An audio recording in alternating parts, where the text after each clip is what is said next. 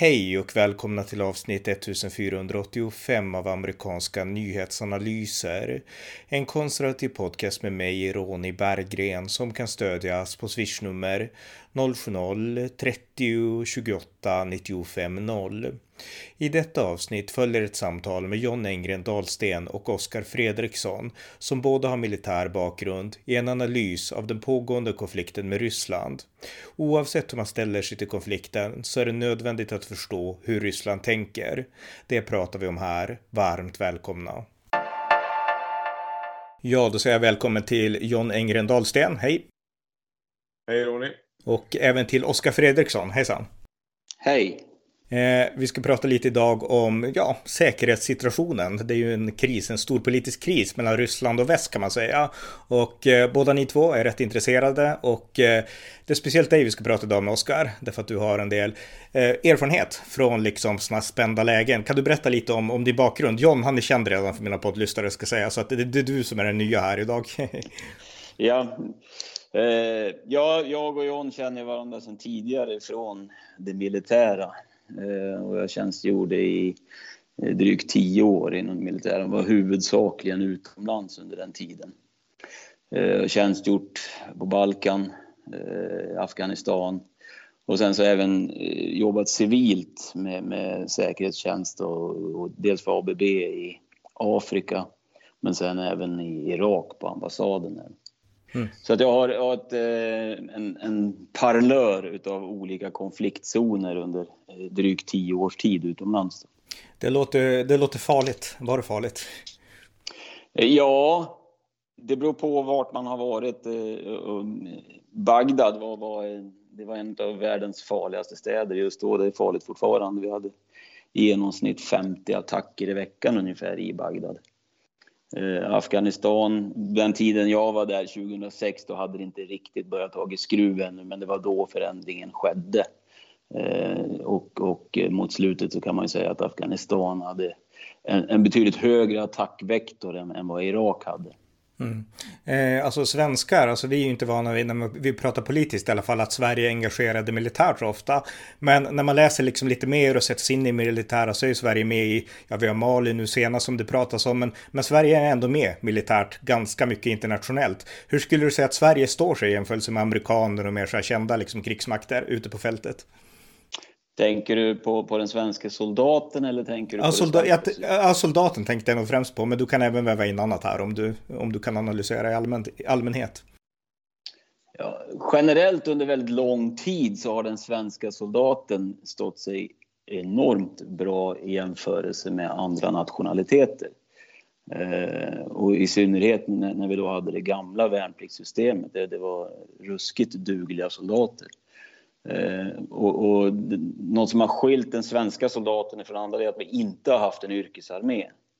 Och att eh, genom värnpliktssystemet så har det kommit eh, människor ifrån alla spektran utav samhället. Eh, och det där har nog varit en stor styrka. Eh, vi svenskar har ett något annorlunda kynne också där, där eh, hierarkin är, är, inte alls så närvarande som den är. Det räcker med att åka till finnarna så, så är det ett helt annat hierarkiskt system än vad det är i Sverige. Eh, och, och, att de människor som har åkt utomlands tidigare under, under värnpliktstiden, man aktivt fick söka till, till olika missionsområden, så var det givetvis eh, människor som var mer lämpade att åka. De, de ville åka. Det var, var människor som, som Eh, Eh, ville åka ut och, och göra någon form av skillnad. Eh, så att det, det var ju ett, ett, ideologiskt drivet gäng som var ute tidigare. Eh, nu börjar man ju tappa det där, min uppfattning. Med, med en, en mera yrkesbaserad armé. Sverige är ett för litet land för att ha en, en enkom yrkesbaserad armé. Vi behöver ett värnpliktssystem. Men är det alltså i en yrkesbaserad armé i ett land som Sverige, är det bara en viss form av människor som, som söker eller en viss klass eller liksom vad skiljer den praktiskt, alltså i förhållande till bakgrunden på de mm. som söker sig till militären? Ja, om du tänker på ta Adam 01 alltså i det gamla värnpliktssystemet när man mönstrade så delade man ju in hela befolkningspyramiden. Eh, från de som hade då högst bedömda fysiska och psykiska prestationsförmåga ner till den, den, lägre delen av pyramiden. Och den ser precis ut som befolkningspyramiden i övrigt, så, så högst upp var Adam 01. Mm. Eh, och det är klart att de eh, grabbarna idag eh, kanske hellre väljer att lägga sin tid att gå på Handelshögskolan istället för att söka till, till militären för att göra någon form av värnplikt för att sen fortsätta. Men i det tidigare systemet så kom de ju inte undan. Alla åkte in i det här systemet och, och eh, från min tid som officer så kan jag ju notera det att, att ofta så är det så att, att eh, de grabbar som blir riktigt bra på plutonerna, de hade inte tänkt sig det här från början utan på något sätt så hittar de rätt i det militära systemet. Ofta bondgrabbar. Mm. Eh, enormt kompetenta. Praktiskt lagda människor oftast. Ja. Eh, Praktiskt ja. lagda och, och de ser vad som behöver göras och gör det. Utan det är bara att passar man in i det militära systemet eller inte? Trivs man i den här eh, hierarkiska organisationen med, med disciplin etc. etc. Mm, just det. Ja, det var jätteintressant. Eh, John, har du något du vill komma in och fråga eller liksom sådär? Nej, jag satt just och tänkte på exakt vad Oskar sa, att det är ju precis det som, som är grejen med ett värnpliktssystem. Det är ju att eh, du fångar upp folk som överhuvudtaget inte hade tänkt att de skulle göra någon form av eh, militär verksamhet. Ja, det har du såklart i ett värnpliktssystem, men eh, det är så många som jag har sprungit på också som, som väljer att stanna kvar, som kanske inte ens visste vad militären var nio månader tidigare. Och då får du de som är mest lämpade och duktiga på det. För de hade ju förmodligen inte gjort det om det hade varit i en, en värld där de inte behövde. Nu, nu har ju Sverige kommit tillbaka till värnpliktsarmé igen. Mm. En blandad kompott som det var. Men, men 2010, eh, 11 någonstans när jag slutade så började man ju med eh, någon form av yrkesmishmash som inte blev så bra. Och då får du ju också bara den typen av individer som är intresserade av att komma in i det. Och de kanske inte är lämpliga, men, men, men de, de söker dit, eller ja, lämpliga, de kanske är eh, lämpliga på sitt sätt. Men du, få, du fångar inte upp de som inte ens visste att de var bra på det så att säga. Så det är väl min take på exakt vad, vad Oskar sa precis nu. Mm, just det. Ja men jätteintressant. Men om vi går vidare då. Alltså, just nu så för nu har vi förstått att ni har liksom en militär erfarenhet och militär bakgrund båda två. Och nu är det en militärkris på gränsen till, eh, till Ukraina där Ryssland har mobiliserat och hela världen pratar om det här. Europa och USA har mobiliserat på sina håll också på NATO-sidan här. Eh, om du börjar Oskar, alltså vad är dina liksom, allmänna tankar om den här, eh, det måste ändå sägas vara en krissituation i relationen mellan väst och Ryssland just nu? Ja, så enkelt är det ju och, och den har väl eh, i, i ärlighetens namn pågått under en längre tid. Eh, det här börjar ju innan 2010-talet egentligen. Eh, och om ni noterar själva hur, hur, hur har Ryssland porträtterats av väst under de senaste 10-15 åren så är det en ganska ensidig bild som målas upp. Eh, men, men, men, krisen har ju gått in i ett annat skede nu kan man väl säga. Eh, och Ryssland har ju på, på många sätt befunnit sig i en existentiell kris sedan Sovjetunionens kollaps. Eh, det som händer när de förlorar de yttre områdena i Sovjetunionen är att, är att Ryssland, Ryssland är och har alltid varit en landmakt och de betraktar sig själva som en landmakt. Eh, och då blir de här områdena viktiga. Det finns tre stycken huvudanfallsvägar in i Ryssland. Den första kommer från de europeiska slätterna. Den andra går genom Kaukasus och den tredje kommer från Centralasien. Och det gör att det finns fyra stycken stater i det forna Sovjetunionen som Ryssland inte kan släppa sitt kontroll och inflytande över. Och det är Vitryssland, det är Ukraina, det är Georgien och det är Kazakstan. Och det är för att Ryssland, Ryssland känner att de måste ha den här geografiska barriären. För att tar vi från dagens Ukraina till Moskva så är det 480 kilometer. Det är 48 mil till Moskva. Mm. Och Ryssland har erfarit sedan 1700-talet när, när stormaktstiden Sverige eh, är, är på tågande mot Moskva med en armé. Och vi får ju slutligen eh, stryk då i, i Poltava 1709.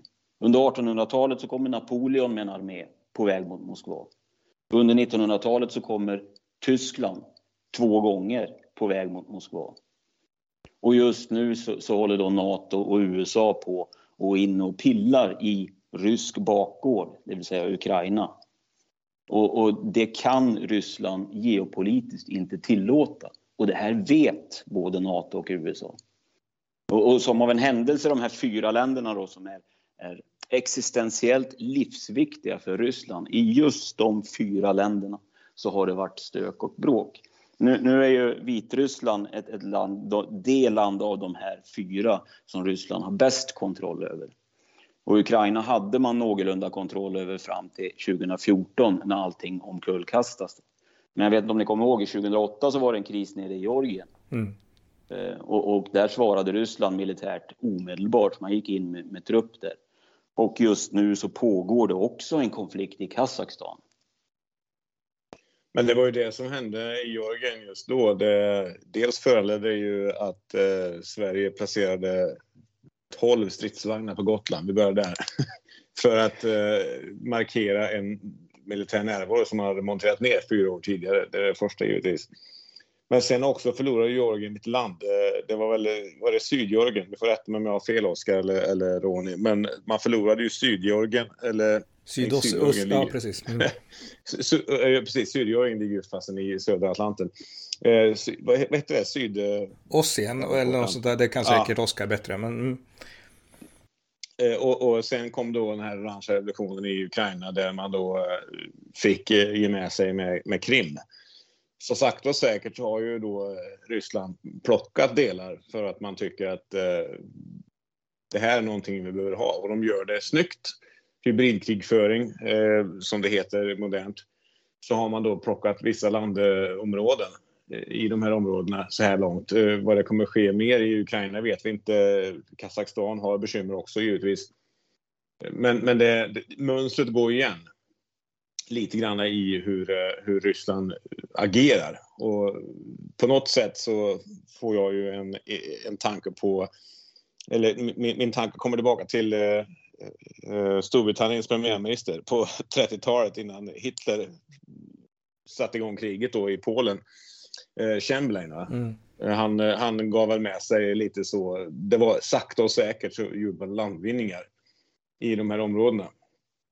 Eh, det är bara en parallell mm. som jag vill dra. Ja. Men, men jag tänker så här, alltså, eh, det du berättar Oskar, det är ju liksom det är utan tvekan, det är ju liksom bara den strategiska analysen och det är också Rysslands bild av saken. Eh, men när man drar de här parallellerna, alltså man går tillbaka till Napoleon, man pratar om eh, Poltava och så vidare och, eh, eh och Nazityskland såklart och sådär. Eh, vi i Europa, i västra Europa i alla fall, vi menar ju ofta att okej, okay, det där hände, men nu är vi liksom, det här är en ny fas av historien. Det är det som ni inte fattar, ni ryssar liksom. Så varför måste ni vara så aggressiva? Det här är inte, vi är inte Napoleon, vi är inte Hitler liksom. Ska ni ni vakna till verkligheten. Det är ju lite det som är våran västeuropeiska attityd. Vad, vad tänker du om den inställningen och Rysslands liksom förhållande till den inställningen? Jag tycker så här att, att eh, om man ska ett, om du ska besegra en, en, en fiende eller om du vill på ett eller annat sätt försöka förstå en motpart mm. så måste man börja med att objektivt försöka förstå hur den motparten resonerar eller betraktar sin omgivning. Mm. Eh, och, och, det är min uppfattning att det har västvärlden kapitalt misslyckats med när det gäller Ryssland. Eh, och, och man, man, misslyckas också med att se att, att Ryssland är ett ganska sargat land.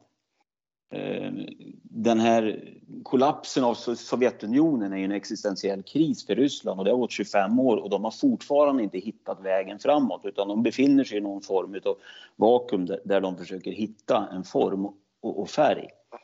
Eh, och sen så tror jag att man glömmer bort också hur det stod till i Ryssland under 90-talet. Eh, för, för att det var, det var en helt abnorm situation och, och det som ryssarna fick genomgå under 90-talet eh, tror jag inte att vi i väst hade klarat av. Eh, och, och, under den tiden så begicks det också en, en, form av rovdrift på de ryska naturtillgångarna och de ryska bolagen. Och den kom ifrån väst. Så att vad man försökte göra då med, med ett Sovjetunionen som helt plötsligt blev ett Ryssland som, som hade nästan hundra år av kommunism i, i ryggen. Att på tio år förvandla dem genom chockterapi till en västerländsk demokrati. Eh, den ekvationen går inte riktigt ihop, för om vi tittar på vår egen historia, hur lång tid tog det för oss i Sverige att gå från, från eh, egentligen då monarkier med, med enväldiga kungar till att vi hade ett demokratiskt system? Ja, det är flera hundra år utav progressiv utveckling innan vi kommer där. Så att jag kan tycka att det är orättvist att kräva av en sån nation att, att de omedelbart ska förvandlas till en västerländsk demokrati i våra ögon. Samma sak, samma parallell kan vi dra med Afghanistan. Där vi då från väst går in i det här landet eh, ut, och amerikanerna hade ju ingen plan utan det var ju CIA och US Air Force som initialt planerade den här operationen 2001 in, in i eh, Afghanistan.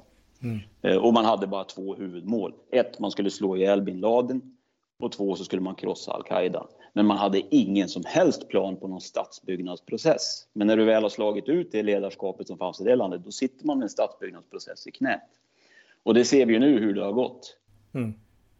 Ja. Eh, så, så, att ska man in och, in och peta så, så måste man ha lite längre perspektiv. Eh, och eh, för att återgå till din fråga då, för, för det vi kanske försöker sitta och göra här lite, det är att, att försöka förstå hur Ryssland tänker och varför de agerar som de gör. Varför sitter vi med den här krisen? För det är inte av en händelse som det ser ut som det gör. Nej. Nej men det är jätteintressant. Och jag delar den analysen också, liksom att vi har haft ett för kortsiktigt perspektiv både på Afghanistan och Ryssland i det här fallet. Men det jag tror alltså folk vänder sig mot just nu här idag i alla fall, det är kanske inte, vi kan förstå det, att Ryssland som sådan har de här eh, ja, betänkligheterna kring väst. Men nu handlar det om att Ryssland vill gå in i ett land som ändå är ett självständigt land. För även om Ukraina och Ryssland har lång historia och Ukraina var en del av Sovjetunionen när Sovjet, inte minst Stalin, bedrev fruktansvärda politik mot Ukraina så är ändå Ukraina idag ett självständigt land. De vill inte bli en del av Ryssland. De vill inte slukas av Ryssland. Och då menar vi i väst att eh, det Ryssland gör det är imperialism. Det är liksom Sovjetunionen igen fast under en ny täckmantel. Ja, det är därför jag inte tycker att det är oviktigt med det som jag inledde med, det vill säga att Ryssland under 300 års tid har erfarit att det kommer en, en eh, europeisk armé tågandes mot Moskva. Eh, geografiskt är det så att det finns inte någon eh, terräng som skyddar Moskva eller Ryssland, utan det är öppna slätter hela vägen från Europa rakt in. Mm. Och därför har de alltid velat haft den här bufferten, för den bufferten har gett dem tiden Även om, även om, om du startar kampanjen på sommaren så tar det för lång tid att ta sig dit så då hinner den ryska vintern inträda. Och Napoleon sa ju det att Ryssland har världens bästa general. Han heter general Winter. För att det, det är vintern som har satt stopp för de här arméerna. Och därför är det här avståndet, det är livsviktigt för Ryssland. Det är existentiellt och de ser det som ett existentiellt hot. Alltså de, de är rädda för att, att eh, bli besegrade och, och gå om intet om de inte har den här bufferten. Och för att sätta saker i lite perspektiv så kan vi ju exempelvis ta då eh, Kubakrisen. Mm. För på, på Kubakrisen på 60-talet, för, för, där hade också Ryssland ett, ett stort problem och det, och det var att den amerikanska nukleära kapaciteten var så fruktansvärt överlägsen den ryska att de var tvungna att försöka få vapen närmare USA och då var ju Kuba alternativet. Man skulle ha medeldistansrobotar på Kuba. Och hur såg den amerikanska responsen ut när Ryssland försökte sätta medeldistansrobotar på Kuba? Ja, den var, kraft, den var kraftfull. Den var kraftfull, och, och, exakt. Mm. Och, och, och, där gjorde man precis det som Putin har gjort idag. För Putin har ju deklarerat det, att det finns en linje i sanden som man inte korsar. Och det var exakt det som amerikanerna sa det då. Och man drog upp en linje i Atlanten och där stod fartygen. Och, och de ryska fartygen vände ju i, i det fallet. Då. Men så att, så att, när man är inne på varandras bakgårdar så börjar det bli känsligt. Och, och tittar vi på hur NATOs expansion har skett efter Sovjetunionens kollaps så har man ju gått ifrån att det var 16 stater, om jag kommer ihåg rätt, innan 90 och nu är vi uppe på 30. Och hela den här expansionen har skett österut. Och, och, Ryssland har ju såklart protesterat emot det här och haft synpunkter i alla olika riktningar. Men, men när man kommer in i Vitryssland och Ukraina, där är så att säga deras gräns i sanden och det är därför det kommer en respons. Mm. Ja men det är intressant. Det, du har helt rätt. Alltså där behöver vi veta. Vi behöver veta oavsett vårt eget moraliska ställningstagande så behöver vi förstå att det är så här de tänker. Eh, jag antar att du håller med om det John?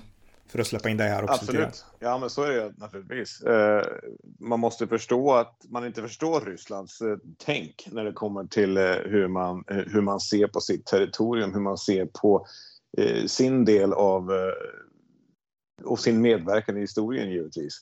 Och eh, det är, det är en drös satellitstater runt själva kärnryssland om uttrycker man det så jämfört med vad Sovjetunionen var någonstans. Och, och 91 var det väl, jag kommer inte ihåg vem som lovade vad, men NATO i alla fall som, som enhetlig eh, organisation lovade ju då eh, var det Jeltsin som tog över efter Gorbatjov, eh, om det var han eller om det var Gorbatjov till och med som sa att vi kommer inte utöka NATO i den riktningen. Och, och, och det löftet anser ju Putin har brutits, eller han anser ju att NATO har brutit det löftet om man kan anse att det är rimligt att tycka det som, som Putin gör just nu eller inte. Det, det är ju en fråga för akademiker i och för sig. Va?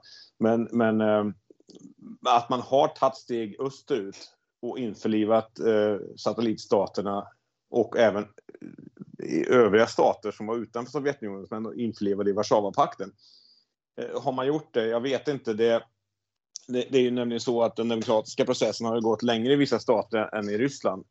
Och då har man då utifrån ett västperspektiv, det är helt okej okay ifall Polen, Ungern, eh, Baltikum säger att ja, vi vill vara med i NATO.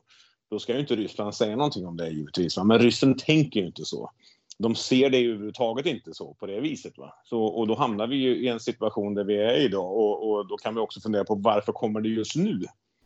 Mm. Eh, och det är ju naturligtvis en process som har pågått en tid. Men, men jag kan tänka mig att eh, mitt perspektiv så har vi en svag amerikansk eh, regering. Och, och, det kan ju vara så att det spelar Putin på just nu. Jag vet inte. Mm. Nej, men det är ju min tanke. Alltså att Joe Biden, han är, han, Afghanistan kunde man säga att han var svag och i retoriken har han varit svag och eh, Putin gjorde ju likadant. Georgien, det var ju när George W. Bush var inne på sin, han var lame duck president hans sista halvår och eh, det var ekonomisk kris i USA, USA hade massa annat att tänka på. Då gick man in i Georgien samtidigt som det var OS i Kina, sommar-OS den gången och eh, världen tänkte på andra saker. Och eh, sen kom Barack Obama och eh, han var också väldigt Ehm, ja, till en början i alla fall så var han väldigt mjuk mot Ryssland. Liksom, sen var han lite tuffare sen när det var den här krisen med Edward Snowden som, som flydde till Ryssland då. Men eh, eh, ja, nej, men jag tror att Putin ser att demokraterna uttrycker svaghet på den internationella arenan, medan republikanerna uttrycker styrka. Men, men det här är intressant, jag vill verkligen betona för lyssnarna nu att jag har ju min syn på den här konflikten, men vi måste förstå hur Ryssland tänker och då måste vi förstå det i strategiska termer. Det här moraliska, det har att göra med rätt att invadera demokratier, rätt att liksom hota och så. Eh, det är en diskussion för sig, men rent strategiskt så tänker Ryssland så här och det är det som är så intressant här. Eh, vill du ta vid och fortsätta vårat eh, prat här, Oskar? Ja, att det finns just den här historiska kontexten och som du var inne på där att vi från väst ser inte glöm det där nu, det var flera hundra år sedan. Men, men, men så tänker inte ryssarna. Och om vi tittar på konflikterna som var nere i Balkan under Bosnienkriget så, så där var det konflikter som, som, gick tillbaka flera hundra år i tiden som man nu bråkade om eller som flöt upp till ytan och som återblev Sen så är det en intressant, bara en, en bisak att notera där att under Sovjettiden så, så var det vanligt att ryssarna testade en, en ny amerikansk president. Mm. Eh, för, för, att trycktesta honom lite då i, i, sin nya position. Det är lite så man tänker om Kubakrisen som vi var inne på, att man ville testa John F Kennedy, hur, liksom, hur pass tuff han skulle vara. Ja, dels det, men sen så hade de också ett, ett, strategiskt militärt problem med att de var så pass underlägsna i kärnvapenkapaciteten. Det var ju när de här inter, intercontinental ballistic missiles, när, när de började utvecklas, för, för då hade USA en, vad som kallades för en splendid first strike. Mm. Att de skulle kunna slå ut hela Rysslands eh, potential i, i den första smällen. Och det var därför de, de var i, i trängande behov av att få missiler på Kuba. Mm. Men om vi går in på det här, alltså med, när vi pratar om, jag förstår nu Rysslands strategiska syn, alltså att de vill inte att folk ska leka på deras bakgård, de vill ha det här som en buffertzon, de har de här historiska perspektiven på de historiska konflikterna med väst som vi idag har glömt bort i västra Europa. Men hur tänker de då på till exempel, alltså vi tänker på mänskliga rättigheter, vi tänker på att fria demokratier, där har folken i de länderna rätt att bestämma. Är det argument som Ryssland helt bortser ifrån? Jag menar, kan man säga i sådana fall att Ryssland är samvets verklighetslösa, att de bara tänker strategiskt, om vi vill förstå dem? Jag skulle säga omedelbart nej på det. Eftersom Ryssland har sin egen tänk och sin egen idé på vad faktiskt en demokrati är. Vi ska komma ihåg att Ryssland har inte varit en demokrati i säkert många år. Eh, vi hade tsarryssland fram till eh, revolutionen eh, 1917 där, där ehm, Uh, ja, jag glömde bort namn. Uh, Nikolas. Nikolaj. Nikolaj, ja. Den andra. Mm. Sista, sista tsaren. Och det togs ju över, uh, visserligen var det en kort period med, med um, någon form av demokratikämpar uh, tills uh, Lenin tog över. Sen har detta då fortsatt fram till murens fall 89 och sen till Sovjetunionens upplösning 91. Så att man har väl en helt egen syn på vad demokrati är och den synkar ju naturligtvis med väst. Va? Och, och, och då blir ju det då blir det ju en konfliktyta omedelbart där, även om det var en avspärrningsperiod under 10-12 års tid kanske, från 91 och framåt. Men den hade väl snarare att göra med att eh, Sovjetunionen, eller snarare Ryssland då i det fallet, inte... Ja, de var ju... De var ju... De hade ju... De visste inte vad de skulle göra just då. Utan att eh, vi måste börja bygga upp någonstans från början. Och, och, jag tycker att väst är ohyggligt naiva många gånger när det kommer till hur, hur, man ser på alla länder som då har en form av demokrati. För att vad är det egentligen? Ja, vi i väst har en definition på det, men, men vad har Ryssland för definition på, på demokrati och mänskliga rättigheter? Ja, den är ju väsensskild givetvis. Ibland synkar den och ibland finns det kontaktytor, men ofta så är det inte så. Eh, och det, det tycker jag väst borde tänka till på. Och, och det som är beklämmande i många stycken är ju att våra ledare i väst, och vi snackar EU och USA till exempel, eh, missar just den delen, vilket jag tycker att en, en, en eh, vanlig småakademiker förstår detta. Hur kan inte de göra det? Men, men vi, är där, vi är där vi är just nu ändå. Mm. Har du något att inflika om det, det, det, det här Oskar? Ja, just det demokratibegreppet skulle vi kunna göra en helt egen podd om. Mm. För jag kan tycka att det, det, kräver en del nyansering. Eh, och i synnerhet från svensk sida så, så kan man nog ha synpunkter på hur demokratibegreppet används. Demokrati i sin grundläggande form, det är, det är två grekiska ord, demos och krati, folkstyre. Eh, så att om folket styr, om folket väljer Putin, vilket de har gjort med, med en eh, förkrossande majoritet. Putin har ju ett betydligt starkare folkligt stöd än vad någon europeisk stat har. Eh, och då ska vi inte ens nämna EU och det demokratiska underskott som råder med EU och bland befolkningarna i Europa.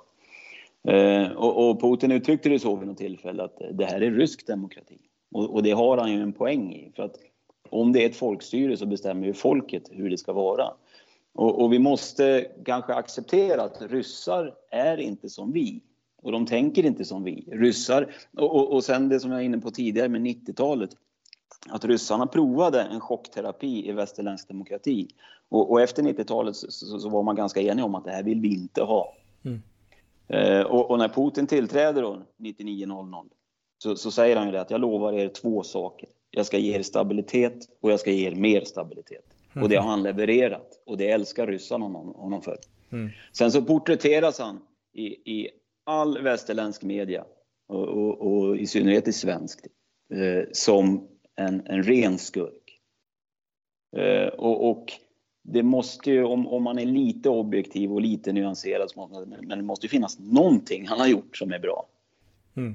För att ryssarna eh, dyrkar ju honom uppenbarligen, även om, även om det har skiftat lite upp och ner, men, men han har ett, eh, i förhållande till, till, europeiska politiker så har han ett, ett fenomenalt folkligt stöd.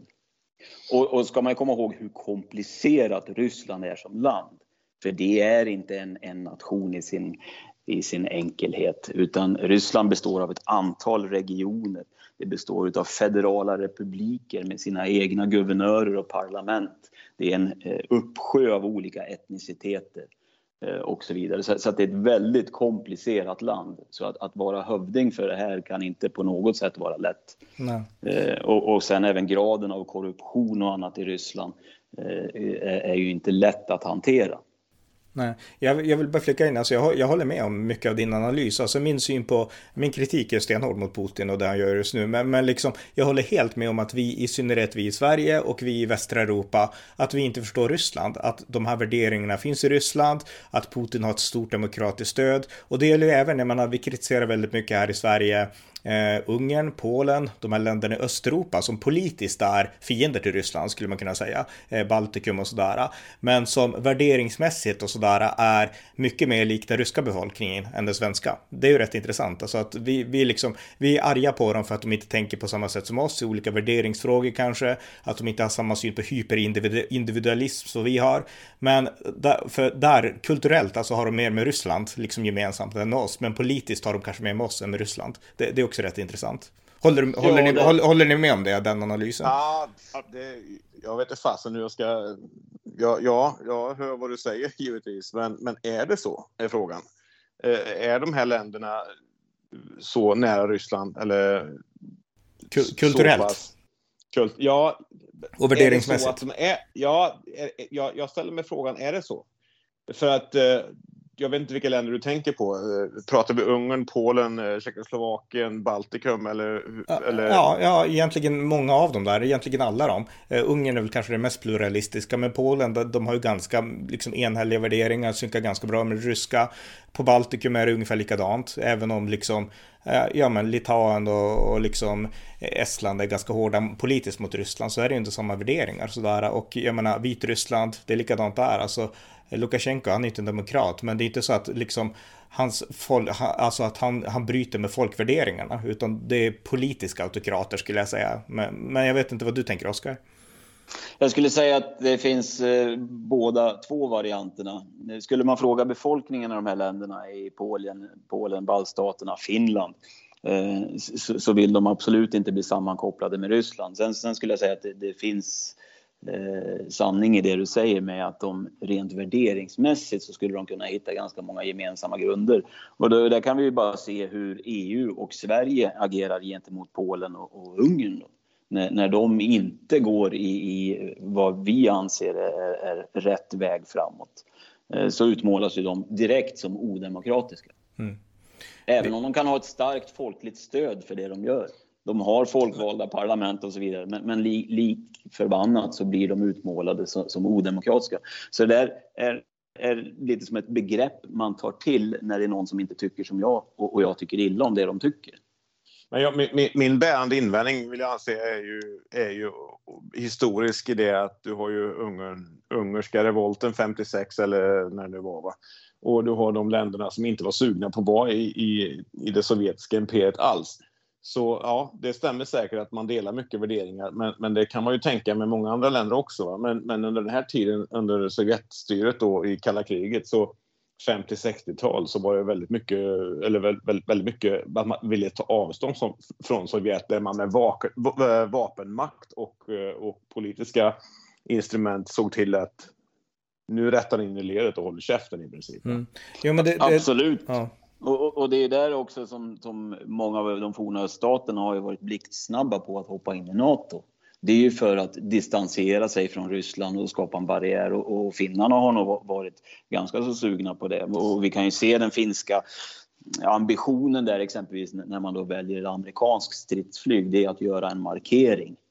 Istället för att man valde JASen som kanske hade varit ett lämpligare alternativ för Finland så väljer man trots det ett, ett amerikanskt eh, version. Då. Eh, så, så, att de här staterna har ju varit ganska tydliga med att de vill distansera sig från Ryssland. Och det är därför jag säger det, att om man skulle sammankoppla och säga att, att ni är egentligen samma så skulle de bli ganska arga. Mm. Men, men om, vi, om vi tar bort det och bara säger på rent personliga värderingar så är det klart att de skulle nog ha lättare att hitta beröringspunkter än, än vad en ungrare har att hitta beröringspunkter med en fransman. Precis, och det var och då, det som var min poäng där. Mm. Och, och, och, då tänker jag direkt på då att de här länderna som kom in ganska sent historiskt sett i EU, eh, Ungern då, Polen och så vidare. Man kanske ska vara försiktig vad man önskar för att eh, hoppa in i, i, EU. Visar ju sig nu i, i retrospekt att det kanske inte var det bästa heller för att det har ju visat sig då sista åren att det finns ju en väsensskild värderingsgrund eh, mot EU som mm. inte blev som de tänkte. Nato var en sak, för det är en militär allians. Va? Sen så ville man gå in i EU och strävar efter det och tyckte att nu ska vi distansera oss ännu mer från, från forna Sovjet och framförallt Ryssland. Men nu har det ju visat sig att det blir ju också bekymmer med EU för att ja, ni känner ju till eh, givetvis då eh, problemen med, med de här länderna. Det är ju utmålar som odemokratiska, Viktor Orbán i Ungern och, och så vidare. Eh, så man ska nog vara försiktig vad man önskar sig. De kanske slog för hårt, jag vet inte, när de, när de försöker distansera sig. Nej, precis. Men alltså det man kan skjuta in här, det är det alltså. Det, vi bör definitivt liksom kritisera EUs syn på vad demokrati är och inte är. Därför att jag menar, det EU vill, det är inte bara att ni ska få politiska, demokratiska, liberala system, politiska system, utan att ni ska ha samma värderingar som oss. Och där det bränner mest, det är ju såklart frågorna om hbtq-rättigheter och så. Där är vi hyperindividualistiska i väst, eh, västra Europa, medan man inte är det vare sig i Ryssland eller i östra Europa för att man har lite mer liksom traditionellt ortodox eller katolskt kristet arv och eh, ja, man har inte gått in på det här hyperindividualistiska på samma sätt. Likadant med synen på öppna gränser. Det är en fix idé som Europa kanske inte haft, inte västra Europa heller tidigare i historien, men som nu har plötsligt fastnat i hela västra Europa och vi tycker att tänker man inte som vi, liksom altruistiskt på hela världen, då är man nästan onda. Och ni i östra Europa, precis som Ryssland, ni tänker inte så, därför är ni, och så målar man då stämpeln antidemokratiska. Så att eh, vi har ju verkligen blåst upp det här begreppet demokrati till att betyda lite vad som helst och inte bara liksom ett politiskt system som handlar om att folket på plats ska ha rätt att välja sina egna ledare. Nej, Nej och, och det har ju gått en enorm inflation i det där eh, begreppet demokrati och vad man använder det till. Utan jag menar, våra politiker använder det lite som, som man vill när det passar ens agenda. Mm. Men om man tittar på vad det egentligen är så, så, kan man ju säga att Sverige är ganska odemokratiskt. Eh, vi har en ganska svag demokrati. En, en egenhet som Sverige har som, som är nästan ett unikum i världen, det är att vi saknar en dedikerad författningsdomstol. Så man kan ju säga, säga att Sverige är inte ens en konstitutionell demokrati. Och, och mycket av de här får man väl säga, ganska vansinniga besluten som har skett under de senare åren, de hade inte varit möjliga med en författningsdomstol. Eh, och, och, och, då kommer eh, direkt någon, någon eh, broilerpolitiker och säger jo, alla domstolar i Sverige är författningsdomstolar. Ja, fast så är det ju inte. För den domare som skulle gå in och ta ett sådant beslut, han skulle ju ha, ha, ha begått eh, självmord på sin egen karriär omgående. Plus att man sen bara skulle ha spelat över på en annan domstol och reverserat beslutet. Det är därför man ska ha en dedikerad författningsdomstol med livstidsanställd personal på som inte behöver ta politisk hänsyn. Som John Semland USA. Precis, och vi ser, vi ser, ju, vi ser ju värdet utav Högsta domstolen nu.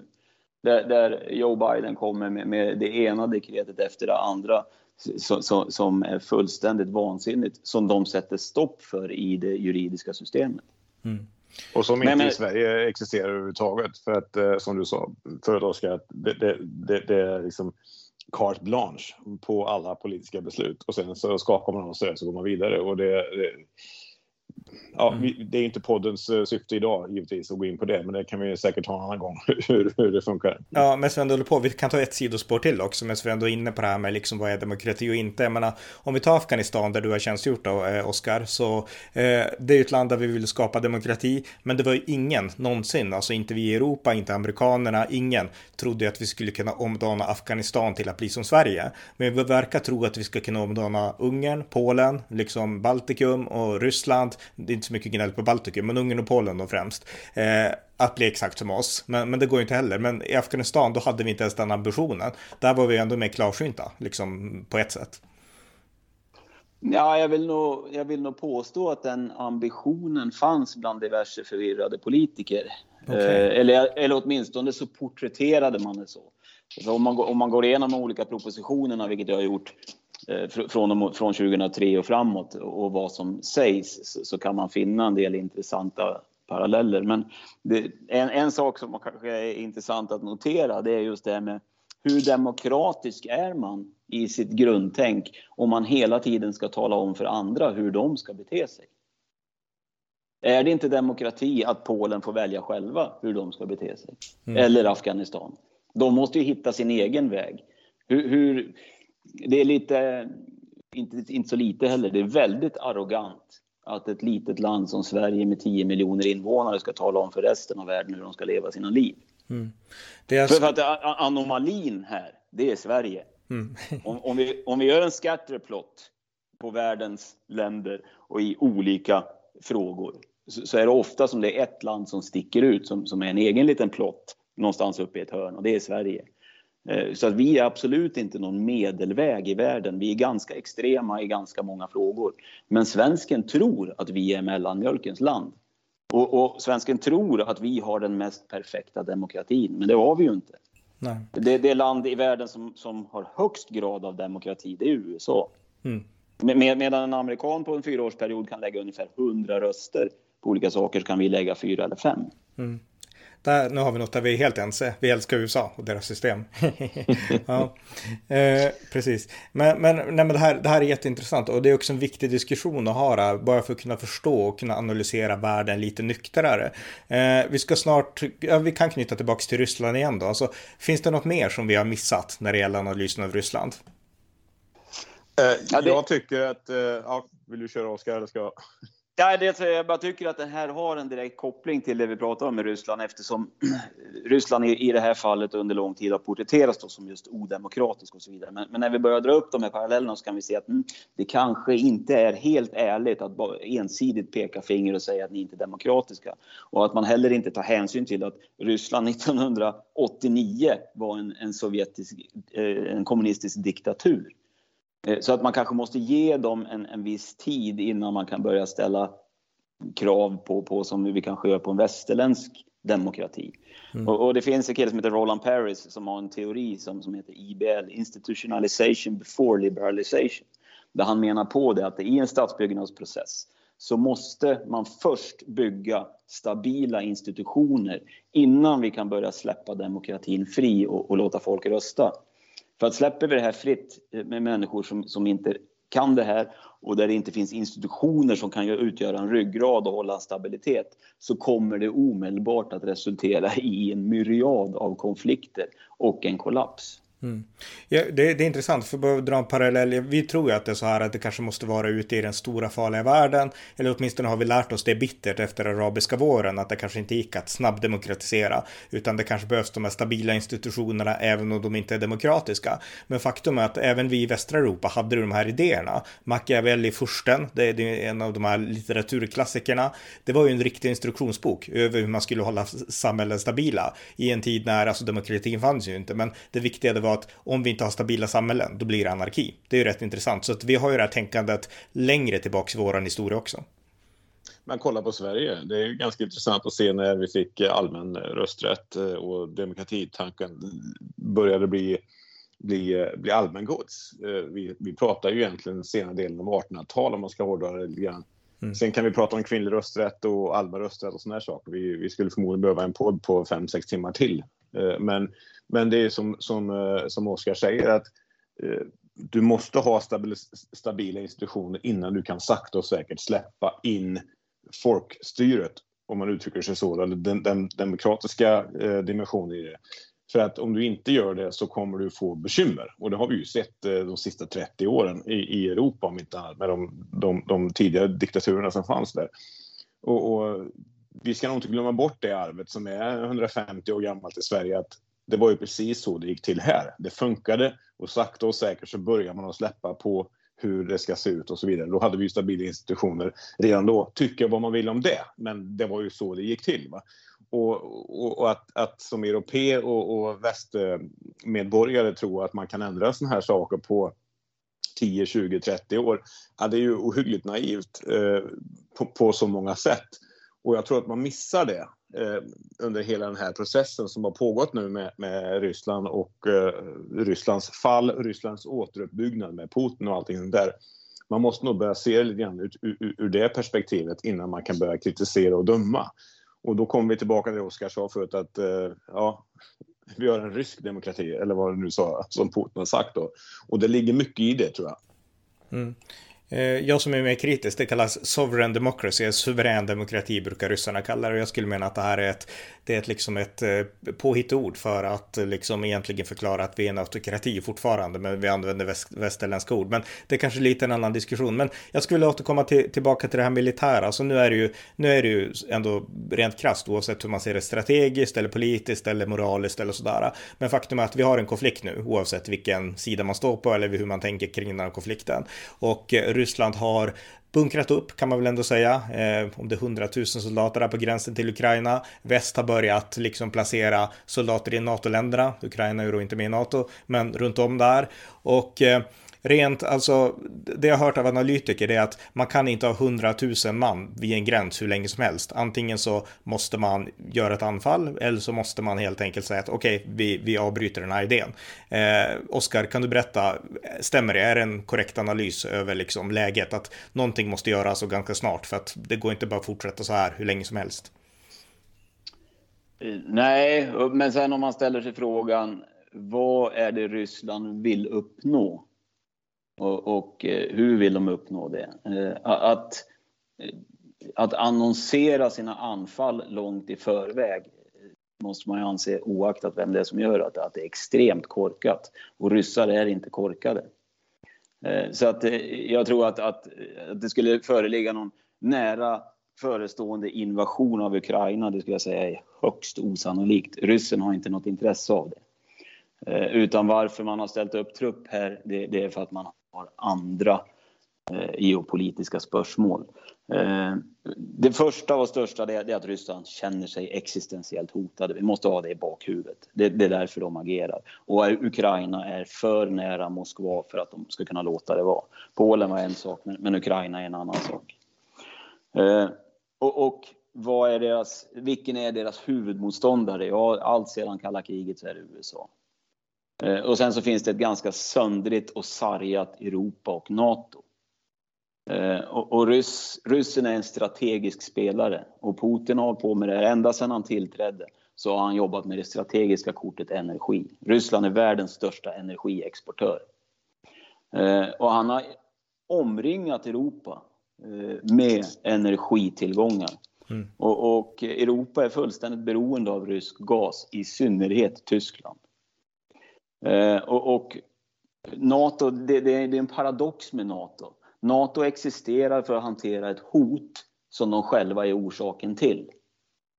Skulle man kunna säga. Skulle Ryssland säga. Mm.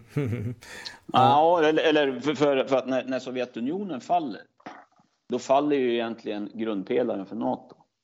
Och NATO var i ett existentiellt vakuum när, när muren föll. Och, och, man har ju trevat och tarvat genom åren på vad man ska och inte ska göra. Alltså hur ska man finna ett existensberättigande för NATO? Och det första existensberättigandet man, man, man fann då det var ju att eh, delta i diverse militära interventioner runt om i världen. Vilket med facit i hand man kanske skulle ha låtit bli. vad, vad är facit utav eh, Afghanistan till exempel? Vad är facit utav Balkan? Eh, det är inte några vackra resultat som vi har att, att eh, titta på där. Så, så, att Sannolikt så är det ju så att ett av Rysslands huvudmål är att försöka söndra NATO. Mm. Att få NATO att falla samman. Och om vi utgår ifrån Tyskland i det här fallet. Vad är Tyskland mest beroende utav? Är det rysk gas och därmed energi eller är det att hålla NATO samman? Jag, jag skulle kunna tro att om, Rys om Tyskland ställs inför valet att, att eh, gå i konflikt, öppen konflikt med Ryssland eh, eller att lämna NATO för att få fortsatt rysk energi så kommer valet för dem vara ganska enkelt. Mm. Ja, då kommer väl Ryssland och det har vi nästan sett nu när de la sig platt för när Storbritannien ville skicka vapen till, till Ukraina och man fick inte flyga över, över tysk luftrum. Och jag menar, nu har vi liksom NATOs näst starkaste militärmakt skulle jag tro att Storbritannien ändå, ändå är. Och eh, liksom Tyskland är också med i NATO och eh, Storbritannien får inte använda tysk luftrum. Så att jag menar, ja, vi ser ju vart det lutar. Precis. Eh, och, och, det är nog det som är Rysslands strategiska mål här. Det är därför man har, har dragit upp truppen. Det är för att skapa panik. Och, och det kan ju vara väl så viktigt att eh, måla upp hotet om ett eventuellt krig istället för kriget. Det, det, det, kan de ju vinna lika mycket på. Men sen ska vi komma, komma ihåg också att, att ryssen är extremt pressad. Han har konfliktzoner nu på, på, runt hela sin gräns. Eh, det är konflikt i Ukraina, eh, det är konflikt i Kaukasus, det är konflikt i Kazakstan som är enormt viktigt för Ryssland på flera olika sätt.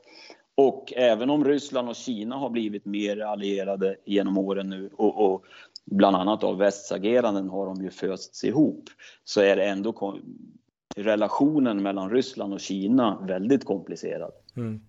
Och vi kan då påminna om att Ryssland är ju den svagare parten. Ryssland är svagare än väst och Ryssland är svagare än Kina. Kanske inte militärt i förhållande till Kina men alltså ekonomiskt definitivt. Ekonomiskt definitivt och, och, även alltså alla de interna problem man har. Det här eh, energipriserna som har varit nu under ett antal år, eh, säg 2014 till 2017, har, har ju varit djupt problematiska för Ryssland för att de är så beroende utav eh, vettiga energipriser för sina inkomster. Eh, så att de går på tandköttet och ryssarna är ett hårt folk som klarar det här. Men, men, men hur länge som helst klarar man det ju inte. Eh, men, men, jag skulle ju bedöma att, att, behovet för Ryssland att ha ett handelsutbyte, ett energihandelsutbyte med Europa är eh, strategiskt enormt viktigt. Eh, men vart står de i valet mellan att släppa Ukraina och ha västerländsk trupp 50 mil från Moskva eller det handelsutbytet? Vilket skulle de välja i det fallet? Mm. Ja, vad tror, tror, vad tror, mm. Ja, ja, ja, I det fallet så tror jag att där är den här linjen i sanden som Putin pratar om. Mm. Eh, det är så existentiellt viktigt för ryssarna att då kommer, den, då kommer de att välja det ukrainska territoriet. Intressant. Men, men, ja, John, jag, har en, ja, jag, jag sitter och, och, lyssnar på det du säger och jag håller med alltihop och jag har ingenting emot det. Det jag, det jag reflekterar över det är ju att varför ska då... Alltså Ryssland är ju i behov av handel och du och jag ska ju prata om detta för att eh, embargon och, och, sanktioner och allting sånt där är ju det som, som får ryssen eh, att eh, agera kanske så att de inte får sälja. Det finns ju ja, de här sanktionerna givetvis då. Det jag sitter och tänker på just nu det är ju att det finns ju, vad är då viktigt i, i, från EUs perspektiv? Onekligen så hänger man ju upp hela konflikten på demokratiska och mjuka värden, så ja, demokrati, eh, man pratar mänskliga rättigheter och så vidare, som vi nu har gått igenom de sista timmen här nu, att, att ryssen ser det olika. Men man ska komma ihåg också att en gång i tiden när Sverige skulle gå med i EU, eller EG som det heter då, så handlar ju allting om att handlar man med folk så blir det inga konflikter. Eh, och, och, det har man ju skapat ändå nu då med sanktioner och så vidare. Och då, detta är bara en sekundaktuell reflektion över att varför i, i hela fridens namn väljer man då den mjuka vägen, när man pratar mjuka värden, när det faktiskt är viktigare att ha en bra handelsrelation och en diplomatisk relation med Ryssland. Och då kastar man ju bort den lite grann. Eh, just för att man tycker att det är viktigare med, med mjuka värden. Sen att Ryssland då agerar som de gör skapar en, en, en spänning som får, eh, som får länder runt omkring att, eh, att mobilisera lite grann kanske, eller att, att visa sina muskler. Så kan ryssen påvisa att ah, nu, nu, nu minsann så sätter de igång någonting mot oss. Eh, men tillbaka till vad jag tänkte på det är att varför låter man då inte handeln vara det viktiga? Varför måste man låta de här lite mer mjuka värdena Eh, var viktigare med tanke på att faktiskt Ryssland inte fungerar så som, som, som vi i väst gör. Utan låta det vara som det är. Eh, och, och, det är en intressant idé tänker jag direkt. Eftersom då hade man kanske undvikit en helsikes massa diplomatiska spörsmål. Och som du sa Oskar också att NATO behöver ju på sitt sätt ett existensberättigande som, som också ryssen på sitt sätt skapar nu då med detta. Eh, så det är oerhört komplicerat på många sätt. Mm. Eh, alltså, om jag bara skjuter skjuta in en kort sak här, alltså det, det är en jättebra analys du gör. Alltså att vi har övergett det här som bara är det strategiska, handel är bra, till att nu ska vi ha alltid de här, det humanitära ska alltid vara det övergripande målet för allt vi gör. Och då gör vi ofta en overreach, som Afghanistan till exempel, vi tror för mycket liksom. Och eh, ja, vi kanske gör det i vår närregion också. Ja, det har inte fungerat någon annanstans och på, på den korta tiden, så varför skulle jag göra det nu? Och, mm. och, Ryssland är ju visserligen, som vi sa förut, svagare ekonomiskt och militärt gentemot Kina och eh, kanske till och med mot väst också i många stycken. Men, men jag tror inte att det är där skon klämmer riktigt. Nej, sen EU kan man ju se som, som en enormt hycklande eh, part. Man pratar liberalism, men man agerar realism. Eh, och det är precis som du är inne på John. Eh, varför förkastar man hela handeln och är protektionistisk? Sen så är det såklart så att, att eh, Putin med sin strategiska plan har, har ju målat in Europa i ett, ett hörn med sitt energiberoende. Och det har han givetvis varit medveten om, så, så det är ett kraftfullt vapen. Sen så behöver ju Ryssland som är, ska vi komma ihåg, de är svaga, de är sargade de befinner sig fortfarande i en existentiell kris efter Sovjetunionens kollaps. De behöver måla upp en bild av att de är starkare än vad de är. Och det här kan vara ett sätt att göra det. Och så just att de ser att det finns en möjlighet nu att söndra och härska eh, genom att försöka eh, dela NATO och dela USA och Europa. Mm. Och det har ju varit så att, eh, det har vi också varit inne på när vi har pratat du och jag Oskar, att, eh, att varför sker det nu? För det är ju inte så att konflikten med Ukraina är, är ny. Den har ju pågått då sen för första orangea revolutionen, då var det 2014. Men jag kommer även ihåg 2005 någon gång så var det också trassel med, med Ukraina och eh, vem, vem som skulle vara president och det fanns två läger. En som gillar EU, en som gillar Ryssland. Eh, kommer inte ihåg ifall han var viktigare än Kovic just då, men han var ju på tapeten 2014 i alla fall. Va? Så, så, varför kommer den här konflikten just nu? Eller snarare varför blossar det upp nu? Det har legat och pyrt länge. Eh, min, min tanke utifrån ett amerikanskt perspektiv, det är ju för att som, vi, eller som jag sa innan, inte som vi var inne på, men som jag sa innan, att, att det finns ett, det är ett svagt ledarskap i Vita huset. Och då tar man chansen. Eh, och, och, och gör det just nu. Stämmer, stämmer inte, vet inte, men jag tror att det ligger nära till hans. Eh, alltså, det känns som att tiden är rätt just nu för, för Putin att agera som han gör. Och då gör han det. Och eh, jag pratade med dig Ronny för ett tag sedan om, eh, om eh, eh, den här eh, kvartals eh, veckopanel. Ja, där då eh, so Socialdemokraten, eller vad han nu är, fackliga representanten Torbjörn Holle, han, han uttryckte det så här att fritt ur minnet då. Eh, han tackade alla svarta amerikanska kvinnor för att eh, de hade röstat fram Biden. För hur, hur hade detta sett ut ifall Trump hade varit eh, eh president? Och min första reaktion Och, och då menar han, hur, hur hade det sett ut i krisen med Ryssland menade han då va? Ja, för mm. han menar ju på att, att Trump är, var ju en, en krigshetsare utan dess like. Vilket vi under fyra års tid vet inte stämmer. Han ville bara ha fred och lugn och ro. Eh, och, och, och, handla och vara en businessman. Va? Så att eh, hade, jag, jag, vill påstå att Torbjörn Holle har ju helt fel här i sin analys. Att de svarta amerikanska kvinnorna som röstar fram Biden, för det första stämmer inte det, men det är en, annan, det, det, det är en fråga för en annan podd. Men att man tror att, att det är tur att Biden är president just nu, för då hade det inte hänt. Medan jag ser det på ett, från helt andra hållet. Det är ju det är lite grann tack vare att Biden är president som det faktiskt börjar hända saker nu. Hade, hade Trump varit president, och nu vet jag att det är kontrafaktiska idéer, men jag ser det inte som sannolikt att, att Ryssland ens hade flyttat fram sina positioner på samma sätt som de gör just nu. Nej, jag håller helt med. Eh, och jag menar, det finns en myt om att den sprids både av Trump-anhängare som gillar Putin och den sprids av eh, liberaler här i Europa som inte gillar Putin. Och det är att eh, Trump la sig platt för Putin och att han var Putins lilla lakej. Så var det inte, utan Trump var hårdare mot Ryssland. Han pratade lite mjukt om Putin som person, men han, hans policy och hans stabspolicy, det var ju gamla, gamla kalla krigssökare som Trump hade i sin stab från John Bolton till liksom även Michael Flynn och liksom James Mattis och alla andra. de var rätt hårda mot Ryssland i politiken och eh, det var ju faktiskt Trump som ströp Nord Stream 2, alltså gasledningen då mellan Ryssland och Tyskland och Biden öppnade upp för den igen så att säga. Så att det är liksom och även en hel massa andra former av säkerhetspolitik mot Ryssland.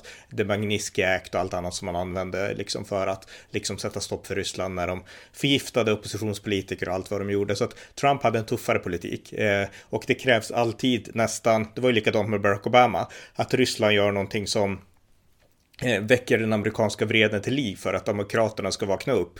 I, i, liksom, I Obamas fall, då var det Edward Snowden av allt. Dessförinnan så var Obama väldigt så här, ja men Ryssland, vi ska vara kompisar, vi ska ha smart diplomati och eh, om det är en dålig relation till Ryssland så var det Bush fel, men nu ska vi ha det bra. Sen så kom eh, liksom Edward Snowden och så väcktes man till och tyckte oj, det här var inte bra, nu måste vi liksom slå tillbaka hårt. Och likadant med Joe Biden, vi ska ha en bra relation till Ryssland, sen händer det här och då blir man tuff väldigt snabbt, men man har inte det här långsiktiga tänkandet sätt på, på samma sätt som Ryssland har. Mm. Nej, och det såg igår på, på tv, Fox i och för sig, va, som man kan tycka vad man vill om. Men där då Demokraterna i, i kongressen och eh, jag tror det var Nancy Pelosi i, i eh, spetsen som eh, uttryckte att vi har en Missouri-senator som heter Josh Hawley. Uh, ung lovande republikansk senator, han är väl 35 kanske, något sånt där han eh, tyckte ju att eh, Biden inte skulle skicka 3000 eh, soldater till Östeuropa. Så att nu får ju faktiskt Europa också ta sitt ansvar. Vi kan inte hålla på att skicka folk i hela världen och, och rädda NATO, utan nu får ju faktiskt vi göra en samlad eh, insats och där USA kanske inte alltid måste skicka folk och trupper. Nej. Och Nancy Pelosi kom ju ut igår och sa att uh, han var förmodligen köpt av Putin. Det var det enda hon hade att säga om det. Ja. Och det säger en hel del om deras analys om, om omvärlden. Den är, den är skral, den är dålig och, och oprofessionell så, på, på så många sätt. Uh, han skrattade ju mest i tv när han hörde detta. Utan det var ju mest att det var ju, det var ju en realistisk analys av varför ska vi skicka 3000 soldater till när EU med alla NATO-länder i EU är precis runt omkring krokarna. Då kanske de ska ta det beslutet och skicka lite mer trupp om det skulle vara så. Men men då, då fick han naturligtvis då det ryska lakejkortet kastat på sig. Ja, och vi kan ju komma ihåg att Trump också är den som pressade NATO att betala sina 2% av försvars, eller av sin BNP till, försvar, till att lägga till försvarsbudgeten då som NATOs stadgar kräver. Men som de flesta av Europas länder inte har levt upp till. Så jag menar, det var Trump som krävde det. Och exakt hur det funkar idag vet jag inte, men han ställde ändå det kravet. Så jag menar, vi i Europa har ju i mångt och mycket liksom, vad säger man, free-ridat på USA när det gäller de här säkerhetsaspekterna. Mm. Snålskjuts. Ja, och, Europa precis. snålskjuts i alla år. Ja, exakt. Och jag menar, jag har ju, du är amerikan, eller visst är du amerikan? Ja, du är svensk-amerikan såklart. Men, men liksom, eh, jag har ju kompisar som är liksom bara amerikaner om man säger så. Jag menar, de är lika bra kompisar till mig som liksom mina svenska kompisar. Så jag menar, det finns inget vett i att liksom amerikaner ska komma och dö för europeer. Sen är vi ju jättetacksamma liksom för hjälp och sånt i vissa situationer, men någon gång måste Europa inse att om vi ska ha så här hög svansföring mot Ukraina och andra länder, då måste vi också axla våra beskärda del av det potentiella lidandet. Vi kan liksom inte bara lasta det på USA och sen tycka att USA är dumma om de inte tar det ansvaret. Det är liksom barnsligt. Ja, då är man fast i ett gammalt spår. Visst, USA gjorde jättemycket för, för Europa efter andra världskriget eh, och, och, så, men det finns en gräns för hur mycket man kan betala för mm. när det kommer till att andra länder inte vill göra sin beskärda del av det. Och, och, vi kanske kommer tillbaka till den här mjuka analysen, eller den här mjuka eh, inställningen, eller ska säga så här, de, de här mjuka värdena som, som eh, europeiska ledare håller på med, som inte är realistiska överhuvudtaget. Va? Och, och, det finns en gräns. Ja. Eh, om vi hoppar lite grann, det här blir liksom hoppa lite fram och tillbaka för jag, jag, slänger fram idéer som jag spontant i huvudet. Men jag skulle vilja prata lite grann om milisgrupper. Eh, jag såg på SVT för kanske en vecka sedan eller två, då pratade man mycket om den här Wagnergruppen som alltså är en privat militärstyrka som gör olika militära operationer ute i världen, i Ukraina, i Syrien och liknande. Och man menar att de här styrs indirekt av Putin som kan agera liksom undercover med den här liksom, gruppen. Och du Oskar, kan du berätta lite grann om sådana här grupper och liksom, och vi i Sverige, vi reagerade väldigt så här, oj, de kommer till Mali, nu måste vi liksom lägga benen på ryggen för de här är livsfarliga. Vad är dina liksom tankar och ja, bara beskrivning beskrivningar av grupper som Wagnergruppen för att svenskar i allmänhet kan ju ingenting om sånt här. Nej, jag, jag tycker att eh, det är en enorm grad av hyckleri. Eh, självklart har Ryssland sådana, precis som alla andra nationer, inklusive Sverige. Om du läser i militärstrategisk doktrin, och det är ett öppet dokument, eh, om specialförband och specialförbandsoperationer, så står där att det, det som kännetecknar ett specialförband är att dess operationer är förnekbara. Och de ska ju då vara förnekbara för styrande politiker som skickar in dem. Eh, och, och, och att peka finger mot Ryssland i det fallet, så, så, speciellt från amerikansk sida, så bör man nog städa framför sin egen dörr. Men det här är ett gängse maner som stater, i synnerhet sådana stater som Ryssland, USA, Storbritannien, Frankrike, Kina.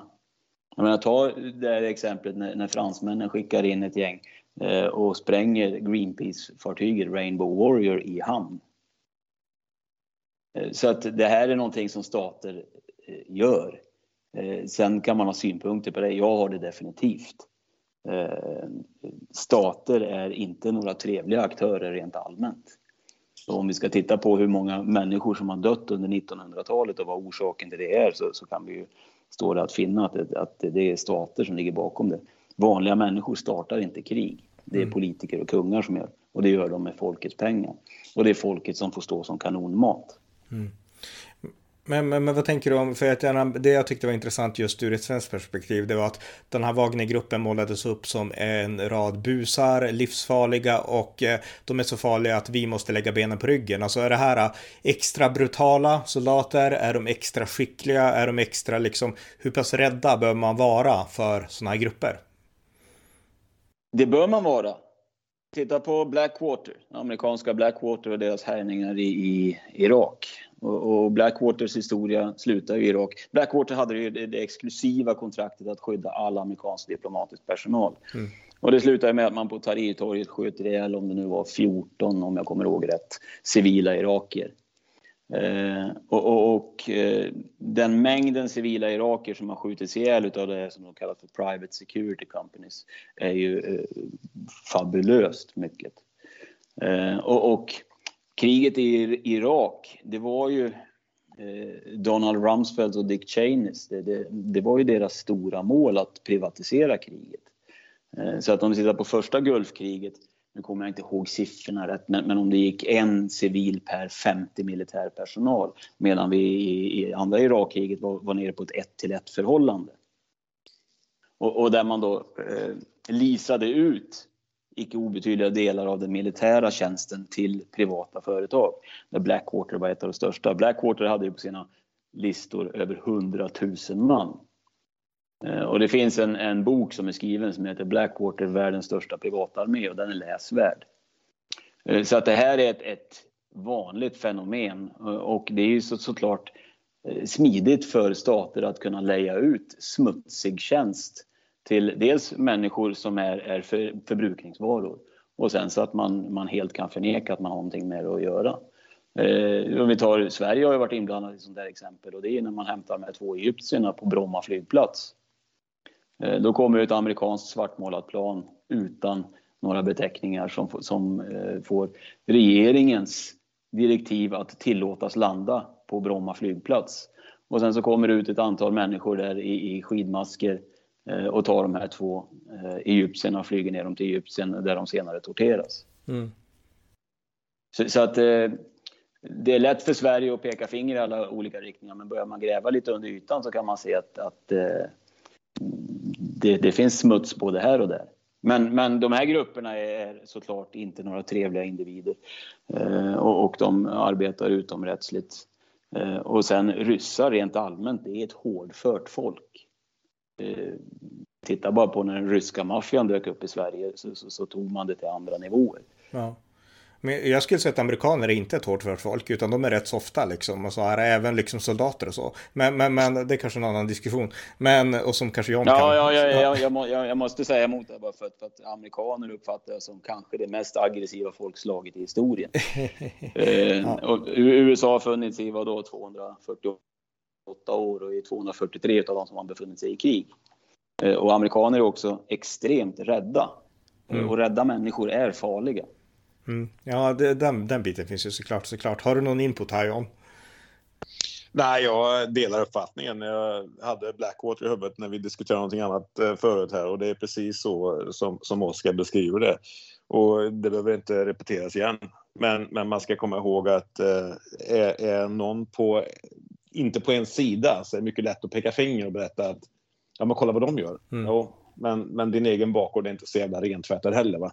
Så det tror fasen att, att, eh, att många stater är intresserade av att ha en, en sån här styrka eller samling av styrkor, vad det nu kan vara för någonting, som man inte vill veta om för att eh, nå, uppnå sina politiska motiv. Och, och, och, det är ju precis så det ligger till.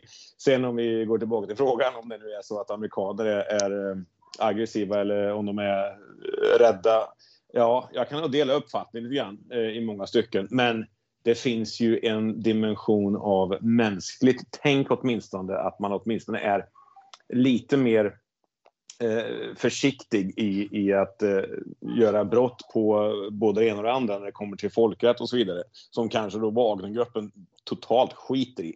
Jag kan, inte, jag, jag, kan inte svara på det, men jag skulle tro att det ligger till så. Sen att Blackwater har gjort enorma fel och, och så. Men under en, en, eh, en, en privat finansiering så eh, med, med, statens goda minne. Så jag tror inte att det är så stor skillnad däremellan i och för sig. Ja, eh, jag personligen är mycket mer fan av Blackwater. Jag tror inte att de är sådär mörka sådär på det sättet. Men det är kanske en annan diskussion och jag förstår, jag har respekt för er liksom, erfarenhet som inte jag har av, av det militära och så.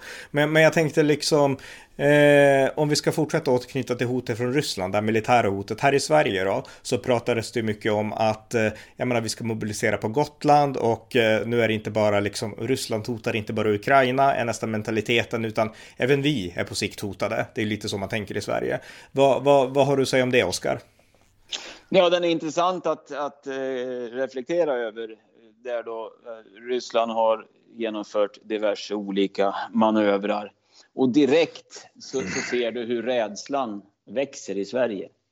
Eh, och, och när, när, muren föll så, så vart ju den politiska analysen här att, att nu, nu, är krigshotet borta. Det kommer inte att bli krig igen. Mm. Och så monterar man ner hela det gamla invasionsförsvaret till förmån för ett insatsförsvar.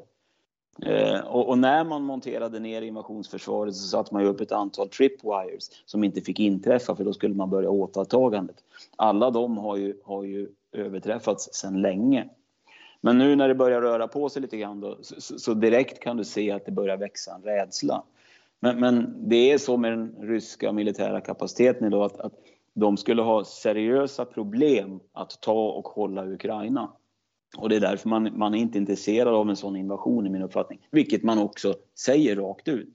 Utan det är kanske snarare så att man använder det här som en skrämselpropaganda eller taktik. För att hotet om krig är lika verkningsfullt som kriget. Mm. Men om vi säger liksom den militära hotbilden mot Sverige. Skulle Ryssland kunna ta Gotland? Då skulle de ha något intresse av det. Båda de frågorna. Att de kan? Ja, absolut.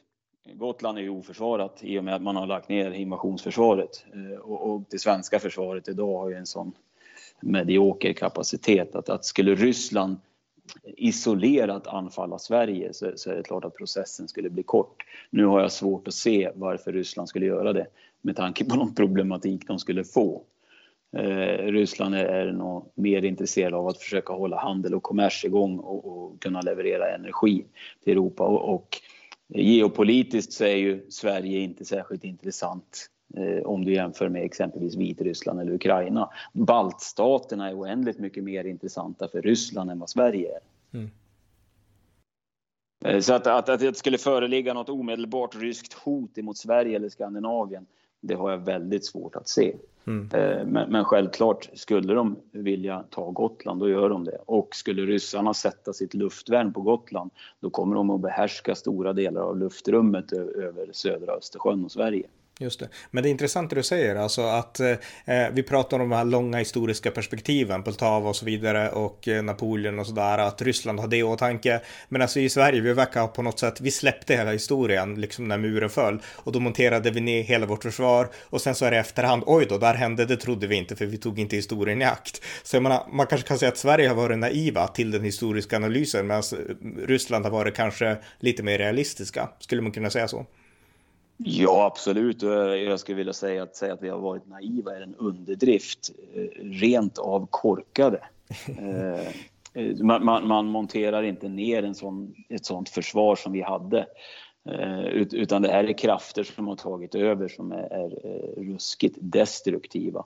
Och att försöka återuppbygga det invasionsförsvaret det kommer ju att ta 20-30 år när vi väl bestämmer oss och, och ställer själv frågan vad skulle kunna få oss att bestämma oss att, att lägga ner de resurserna under den tiden för att återta det här. Det är väl, jag skulle säga att, att parallellen med, med, andra världskriget är slående. Där Per Albin Hansson står och säger att vår beredskap är god och alla visste att den här beredskapen är usel. Och sen så är kriget ett faktum och då påbörjas det återtagandet och, och då fortsätter ju den efter andra världskriget. Så att på 60-70-talet då, då, då, är vi ett av världens mest militariserade länder. Vi har världens fjärde största flygvapen eller vad det var. Eh, så, så, att det, det, krävs nog, skulle jag tro, eh, mer eller mindre att kriget utbryter innan Sverige skulle kunna ta det politiska beslutet att nu måste vi bygga upp Försvarsmakten.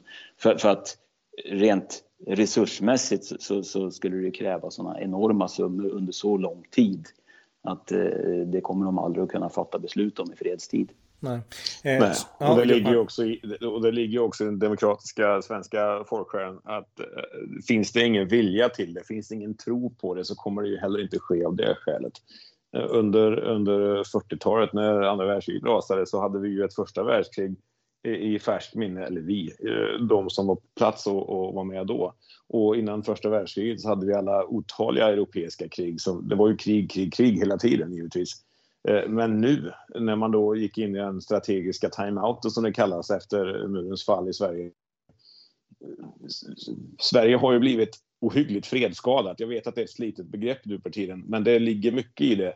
Därför att man, vill inte, man tror inte att det blir någon form av krig och konflikt i närområdet och man, man, man, man vill inte tro det heller. Och om man nu ska anamma den lilla demokratiska delen som vi har ändå i Sverige när det kommer till val vart fjärde år, så var, var finns folkviljan att ens göra det? Med tanke på att allt annat är på röven i Sverige, om man uttrycker sig ofint då. Så jag håller med Oskar att det, det, det, kommer krävas så mycket så att...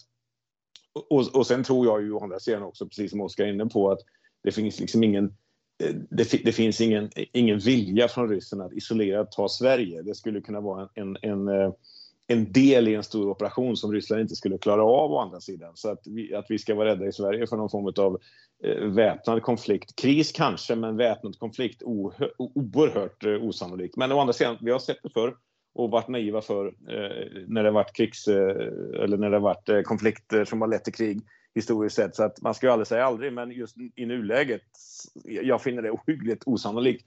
Och vi ska komma ihåg att eh, svenska försvaret var inte uppbyggt för att klara av ett ryskt anfall isolerat. Det var ju gjort för den så kallade mar marginaleffektsteorin att ska ryssen ta hela Europa så kommer en liten del av den, den ryska apparaten eller Warszawapakten tilldelas Sverige som anfallsmål.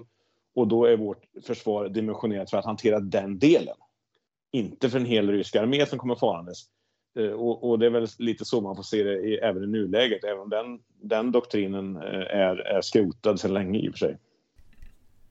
Mm, precis.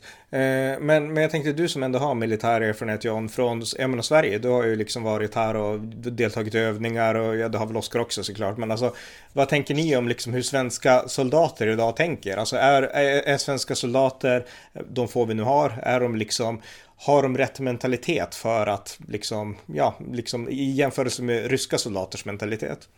Inte nu, säger jag direkt. Eh, det, det, därav att eh, vi har eh, Eh, vi är mesiga i, vårt, eh, i vår mentalitet. Eh, jag vet inte om du håller med mig Oskar, säkert tillfälle att, att reda ut det här om en stund.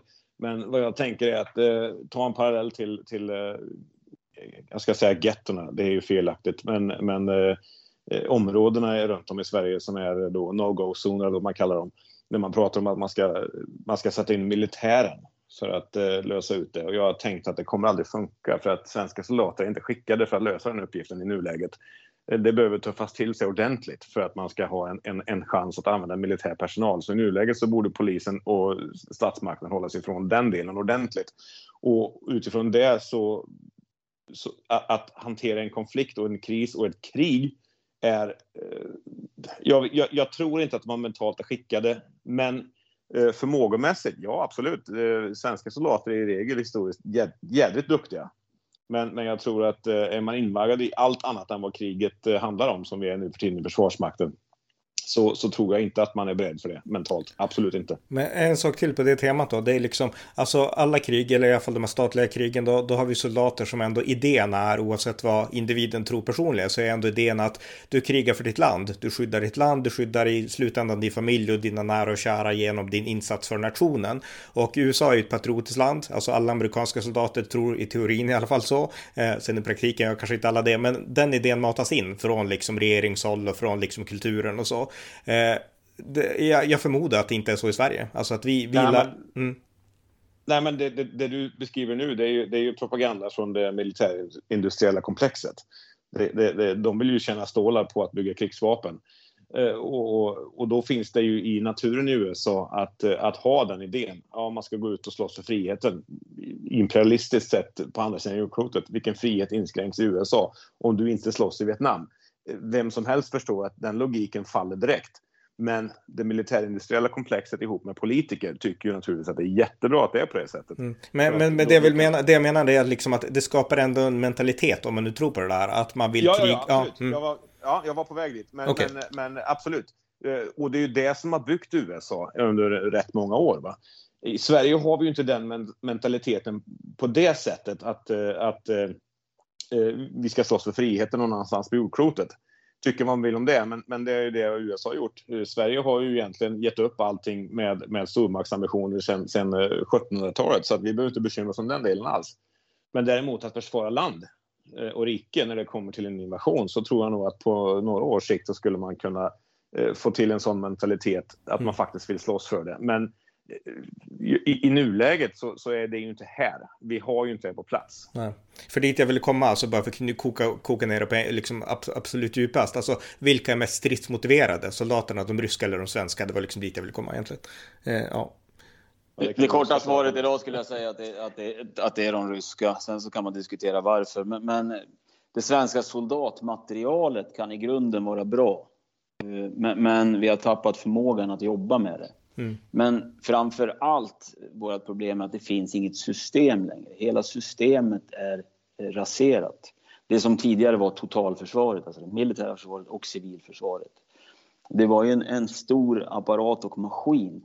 Och, och, jag vill hävda att det militära försvaret kan inte fungera utan att det finns ett stabilt civilförsvar. För att den soldat som ska ligga ute i busken, han vill gärna veta att det finns ett skyddsnät för dem där hemma. För varför ska han annars ligga i busken? Då kanske han hellre väljer att stanna hemma för att skydda nära och kära. Eh, och, och, även då djupförsvaret, att över tid kunna addera det. Titta bara på, på det här exemplet med hur många gerillakrig det är som har vunnits i världen. Eh, och, och, och, det är egentligen bara britterna på Malaysia som man kan säga har haft någon framgång. I, i övrigt så, så åker invaderande part på pumpen. Eh, och det är för att man inte får, får civilbefolkningen med sig. Men jag tror att, att eh, det svenska samhället idag är så pass sargat och den här begreppet inom statsvetenskapen med tilliten, att tilliten har, har, i hög utsträckning försvunnit i Sverige. Vi känner inte den tilliten som vi gjorde förut. Jag kan se skillnad på det om man befinner sig norr om Dalälven eller söder om Dalälven. Det är två olika situationer. Men, men riket som sådant har, har ett sådant strategiskt problem. Och om vi bara isolerar krigsmakten, det finns inget system längre. Det är enskilda öar av kompetens. Och jag menar, ÖB var ju ute här i tidningen för inte så länge sedan och klarade ut att vi har inte ens verkansammunition till flygplan och fartyg. Mm. Ja. Och det är intressant det du säger, vi ska inte spåna iväg för långt här utan jag ska börja avrunda den här podden alldeles strax. Men en, en sak innan den sista saken. Eh, just det här med civilförsvar som du säger, det är, det är jätteintressant. För jag menar, jag är född 79, så att min, mina tonår det var ju egentligen efter murens fall. Men jag minns ändå de här idéerna om civilförsvar och liksom man kunde vara med i civilförsvarsföreningen och liknande. Och eh, idag så känns det som att den tanken motarbetas. Jag menar, vi kan även ta det här med jägare, att privatpersoner ska få ha vapen hemma i vapenskåp såklart, men liksom de liksom ifrågasätts, är ni egentligen terrorister? Alltså just det här med att det civila samhället också ska kunna göra sitt. Den tanken på något sätt, den tror vi inte på idag, liksom uppifrån på något sätt. Nej, och, du kan ju se tydliga exempel på, på att det här inte längre existerar om du tar de bränder som har varit. Du hade branden nere i Eskilstuna-trakten var det var 2014. Du hade branden uppe i Hälsingland 2018. Där vi, in, vi har inte ens eh, brandbekämpningsflyg. Mm. Utan, och, och, där kommer ju då, det kommer ju polska brandmän på konvoj upp för att stödja upp i Hälsingland. Eh, så att eh, inte ens enkla kris, kriser klarar vi av att hantera. Eh, ett, ett annat intressant exempel är ju tsunamin 2004. Ett av världens bästa länder på krishantering är ju Italien. Eh, och de har utvecklat det systemet utifrån att det är så pass mycket naturkatastrofer och annat i norra Italien. Så man har, man har utvecklat ett speciellt system som är enormt funktionellt. Så att när den här krisen inträffar då i, i Thailand där 2004, innan den svenska regeringen ens har fått klart för sig att någonting pågår i Thailand, då sitter alla italienare på plan på väg tillbaka till Italien. Mm. Ja, det är jätteintressant. Det här är ju saker som vi måste börja tänka på som, som nation för vår framtidskull. Så att väldigt intressant. Men jag vill knyta samman det här samtalet som har varit långt och spännande med en sista fråga. Det är att nu när vi ändå har den här krisen med Ryssland, hur ska vi göra för att eh, verka för avspänning och för att på sikt ändå bygga vänskap snarare än fiendskap? Vad är era tankar om det? Om du börjar John. Ja, det, är ju, det hänger ju på den goda viljan från eh, västledarna i min uppfattning. Därför att det hade varit enkelt att, att lösa detta om man nu hade jobbat några år tidigare på detta och, och, och spänna av och inte satt eh, Ryssland i den sitsen som de befinner sig i. Eh, nu kanske det är naturligtvis är naivt att tänka så med tanke på att Ryssland har sin, som vi har varit inne på nu under poddens gång här, att de har sin speciella mentalitet och syn på resten av världen. Men jag tror att det är lite för sent nu att börja och, och, och, och ändra på den delen givetvis. Eh, och skramla med vapen, det kan ju funka under en viss tid men det finns ju andra sidan ett rotbekymmer som man måste ta tag i. Och det kan jag inte svara på hur man ska få Ryssland att ändra mentalitet på, på, och inställning vad gäller Ukraina som land i sig med tanke på att det har varit en del av Ryssland i alla hundratals år även om det i nutid är ett, ett, ett, ett självständigt land. Eh, men, men det är klart som fasen att ryssen också är realist. Ser, ser Putin att hela världen är emot honom, då kommer han förmodligen att lägga sig. Men det finns ju en anspänning kvar och, och, den får man naivt sett kanske tro att man ska lösa på, på diplomatisk väg. Men det räcker också bara så långt. Jag tror att eh, handel med ryssen och inte betrakta dem som en stor fiende skulle lösa en hel del tror jag. Mm. Eh, ja, och du då Oskar? Ja, jag instämmer i det. Eh, att eh, de här mjuka värdena som liberala stater och EU gärna pratar om kanske man måste praktisera något mer i, i praktiken. Eh, och, och det är nog så enkelt som så att, att man får ge fan i att vara inne och peta i Ukraina. Utan låt Ukraina och Ryssland reda ut det själva. Eh, vi ska inte hålla på att lägga oss i allt för mycket konflikter och det, det, finns ganska adekvat eh, statsvetenskaplig litteratur på det. Eh, det är en kille som heter Lutvak, en Israel, som har skrivit en pis som heter Give War a Chance. Den är läsvärd.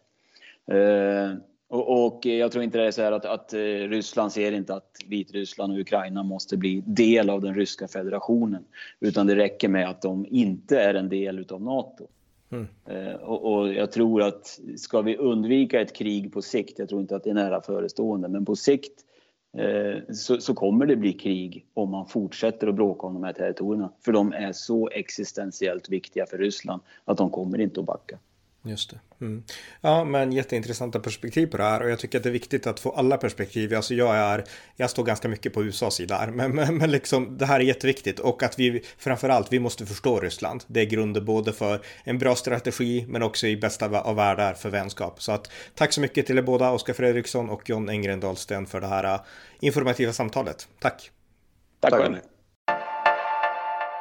Det var avsnitt 1485 av amerikanska nyhetsanalyser.